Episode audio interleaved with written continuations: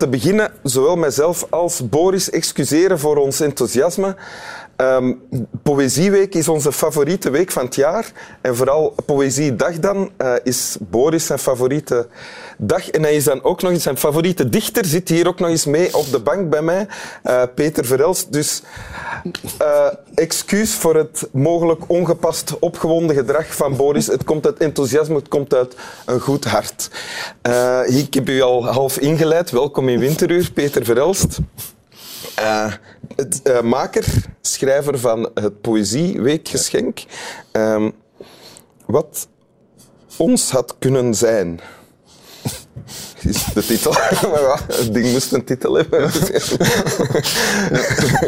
Peter dichter, eh, romanschrijver, toneelauteur en regisseur, maker, speler bij het NT Gent. Ehm, vader, leraar, ex-leraar. Ex-leraar, Ja, op een beroepsschool, denk ik. Ja, aan slagers en eh, bakkers. Ja. En hoteliers. Ja. Maar daarmee ben je gestopt een paar jaar geleden met lesgeven. Maar ik, ben, ik heb dat 14 jaar gedaan. Ik ben, ik denk, 17 jaar gestopt. Ah ja. Dus ik leef van mijn pen. Oké, proficiat daar alvast. Welke tekst heb je meegebracht voor ons? Wel, ik heb een, eh, een zeer eigenaardige tekst meegebracht. Ehm, en ik weet eigenlijk niet of het een echte gedicht is of niet. Het is een tekst van eh, Samuel Beckett ehm, uit de jaren 70. Een tekst die hij ooit schreef voor eh, Morton Feldman. Dat is een Amerikaanse componist die een opera wilde maken, eigenlijk een anti-opera. En die vroeg aan Beckett om, een, eh, om, om het libretto te schrijven. Dat is dus eigenlijk de tekst. De tekst van de opera. De tekst van de opera, alles wat gezongen wordt enzovoort. En dat is wat hij kreeg, een, een korte, gebalde tekst eh, die je, laten we zeggen, twintig keer moet lezen voor die zich begint langzaam eh, open te vallen. Oké, wij gaan het proberen om het in... Twee keer. Ja. Eh, de Dus tit- de tekst die je gaat voorlezen, die is ooit gezongen geweest. dan. Ja, die is ooit gezongen geweest en met die typische muziek van Feldman eigenlijk een soort atmosferische eh, muziek. Eh, door een sopraan is het ooit gezongen. Ik heb het nooit gehoord. Eh, het heet evenmin en evenmin is belangrijk om te weten, betekent ook niet. Dus dat ook niet en dat ook niet.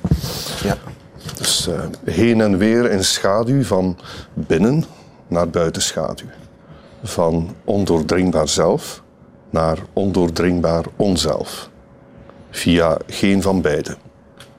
Als tussen twee verlichte nissen, waarvan deuren ooit zacht gesloten, ooit wegdraaiden van. En zacht terugkeerden. Heen en weer wenkten en zich afwenden. Ongeacht de richting, gespitst op de een of andere glimp, ongehoorde voetstap, enkel geluid, tot ze tenslotte voorgoed stil blijven. Voorgoed afgewend van zelf en ander, waarna geen geluid dan zachtjes, onverwelkend licht op dat ongeachte en al evenmin onuitsprekelijke thuis. Het is vertaald door Stefan Hermans. Ja, ik, eh, toen ik de tekst voor het eerst las, want ik heb hem vooraf al eens gelezen, dat is het eerste dat ik dacht van, wow, fuck, wat is deze? Ja, ik dacht het ook. Eh, ik heb het ooit gezien in Watu. Eh, in, een, in een hele donkere schuur, alleen een luidspreker, hoorde je de tekst wat nog moeilijker is. En je dacht, wat?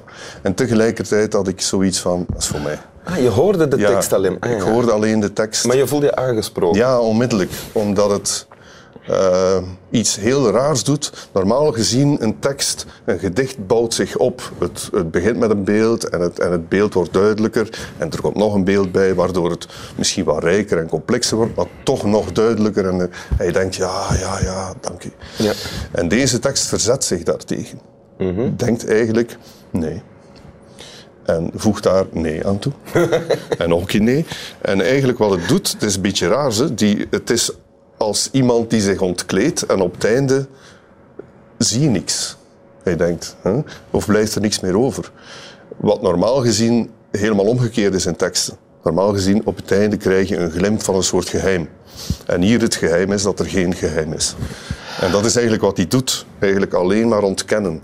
Dus Is, dat, ja, is dat wat er... ja, evenmin is letterlijk dus ook, ook dat niet? Ja. Dus die- zelfs geen schaduw meer, zelfs geen zelf meer, geen ondoordringbaar onzelf meer. Dus hij, hij wisselt de hele tijd tussen wat er is en het tegendeel.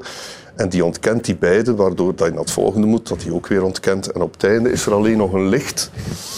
En zelfs dat verdwijnt. Zeer hoopvolle gedachte. Ah, ja. Kunnen we nog eens terug naar het eerste stuk?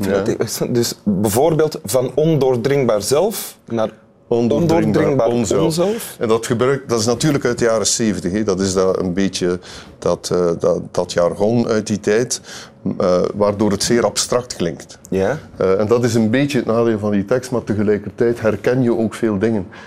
die verlichtenissen, zeer mooi beeld. Twee verlichtenissen. Ja. en die deuren zacht gesloten en tegelijkertijd draaien ze zich weg van. Dus ze draaien niet naar iemand toe, ze draaien zich altijd weg uh, en dan zacht terugkeren, heen en weer wenken. Dus je hebt eigenlijk de hele tijd die beweging. Dat niet.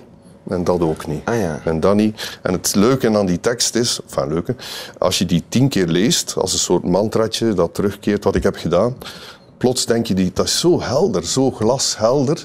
Namelijk de ongelooflijk geruststellende vaststelling dat er inderdaad niks is. Uh, ja, waardoor de hond zich nu plots. Uh, dat is enthousiasme, ik kan het niet meer aan. Hij moet even uh, stoom gaan af. Maar dat is het mooie, weet je, en dat is eigenlijk de kern bijna van poëzie.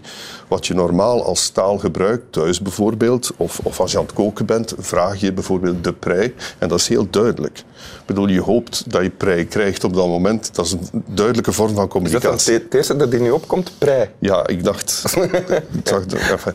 En weet je, onze normale manier van communiceren is om duidelijkheid te scheppen in iets. Ja. Uh, bij een roman bijvoorbeeld wordt dat dan uitgewerkt, gelukkig met een verhaal meestal. Uh, dat is meestal ook de bedoeling van communicatie, iets helder krijgen. Iets, hè? Ja, maar volgens mij is dat een beetje een vergissing. Uh, bij poëzie is dat niet de bedoeling. Daar heb je eigenlijk de bedoeling om een ervaring te creëren voor mensen. Mm -hmm. Waarbij niet de bedoeling is dat je op het einde denkt, ik heb iets bijgeleerd, daar bestaan andere dingen voor, denk ik, de rest van het leven. Maar uh, ik heb iets beleefd. Ja, ik heb iets beleefd en ik, ik kan er mijn hand ongeveer op leggen, maar het is weer weg. En dus moet ik mijn hand er opnieuw op leggen. Dus moet je telkens opnieuw lezen, waardoor dat je telkens, als je het opnieuw leest, iets nieuws, een glimp opvangt van een mogelijkheid, et cetera. Dat is je, eindeloos. En kan jij zeggen wat jij hier beleeft? Dat is waarschijnlijk meer dan één ding dan ook. Wat ik hier ooit beleefd heb, was de verbijstering van ik snap het niet. Ik wil het weten. En, en ik weet dat ik het verschillende keren opnieuw heb, heb gelezen uit dat boek van Stefan. Dat is eigenlijk een essaybundel. Telkens opnieuw. En de ongelooflijke troost van, van het weten dat er uiteindelijk niets is. Vind ik sprak mij op dat moment bijzonder aan. Want dat is wat hier voor. Het is dit niet, dit niet, dit ja, niet. En dit uiteindelijk niet. blijft er niks over. Ah ja. En, en ik bedoel, het hele universum is, laten we zeggen, eenzaam en onverschillig. En op een bepaalde manier is dat wel een inzicht, maar toch is het, laten we zeggen, het is totale negatie van dingen. Mm -hmm. en, en, dat ervaar je als troostend? Als zeer dat... troostend, ja, absoluut. Uh, dat plaatst dingen, laten we zeggen, in perspectief. Maar zelfs ondanks, enfin, ondanks uh, evenmin, uh, ja, ik vind dat een goede gedachte. Is het troostende daarvan dat er dan ruimte vrijkomt om, om in te spelen? Ja, dat is alles veel minder belang ah, ja, op dat moment. De, die terreur van dat alles een betekenis of zin moet hebben, uh, heb ik altijd als ballast ervaren. Het, het, het, het, heeft, uh, ja, het geeft je een ongelooflijke vrijheid dan om, om te denken. Soms, soms zeggen mensen, denk ik nu, mensen die, dan, die op reis zijn geweest naar een uh, armer land mm -hmm. dan dat van ons, zeggen soms... Um, als ze dan terug hier zijn van, goh, goh, dankzij mijn reis, ik kan nu wel veel beter relativeren. Is dat dan het, het effect van dit gedicht op jou? Maar ik ken, ik ben, ken beiden. Ik ga ook op reis naar landen waar, bedoel, naar sloppenwijken. Ja, en, en, en, en ik weet dat dit gedicht in een sloppenwijk, laat ons zeggen, een luxe probleem is. Uh, mensen hebben honger ja, en proberen een leven te organiseren dat leefbaar is. En, en dat is zeer relevant, denk ik. En, en, en au fond, dat, dat is eigenlijk een soort toegepaste filosofie bijna. Het, het, dat komt na het eten, denk ik. Ja, eerst eten, uh, sowieso. En daarna kun je je bezighouden met het feit of er iets is of niet. Zou, zou je dit hebben, een, of een gelijkaardige tekst hebben laten lezen door je leerlingen? Vroeger nee, ik zou het hebben voorgelezen. Ah, voorgelezen. En opnieuw en opnieuw. Ah, ja tot zo. Dat deed je wel? En, ja, ja, ja. Ik, ik herinner me, ik heb hele lappen American Psycho voor de slagers voorgelezen. Die stonden op een bank gewoon. Tuurlijk, het zal wel. Dat, dat staat vol met... Dat mocht, dat mocht in uw les, dat ze op de bank gingen Ik heb nooit inspectie gehad daarover, maar die vonden dat fantastisch. Die zijn het boek zelf gaan kopen. Ik bedoel, het versnijden van een menselijk lichaam wordt daar, laten we zeggen, op zeer plastische wijze uitgelegd. Oké, wil, wil je de tekst nog eens voorlezen? Oké. Het fantastische is dat nu deze tekst ook voor ons op zijn minst al een beetje ontsluierd is geraakt. Evenmin. Heen en weer in schaduw van binnen naar buitenschaduw. Van ondoordringbaar zelf naar ondoordringbaar onzelf. Via geen van beide.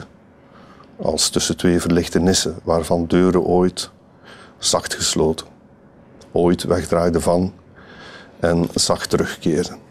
Heen en weer wenkten en zich afwenden ongeacht- ongeacht de richting, gespitst op de een of andere glimp, ongehoorde voetstap, enkel geluid, tot ze tenslotte voorgoed stil blijven, voorgoed afgewend van zelf en ander, waarna geen geluid, dan zachtjes onverwelkend licht op dat ongeachte en al evenmin onuitsprekelijke thuis.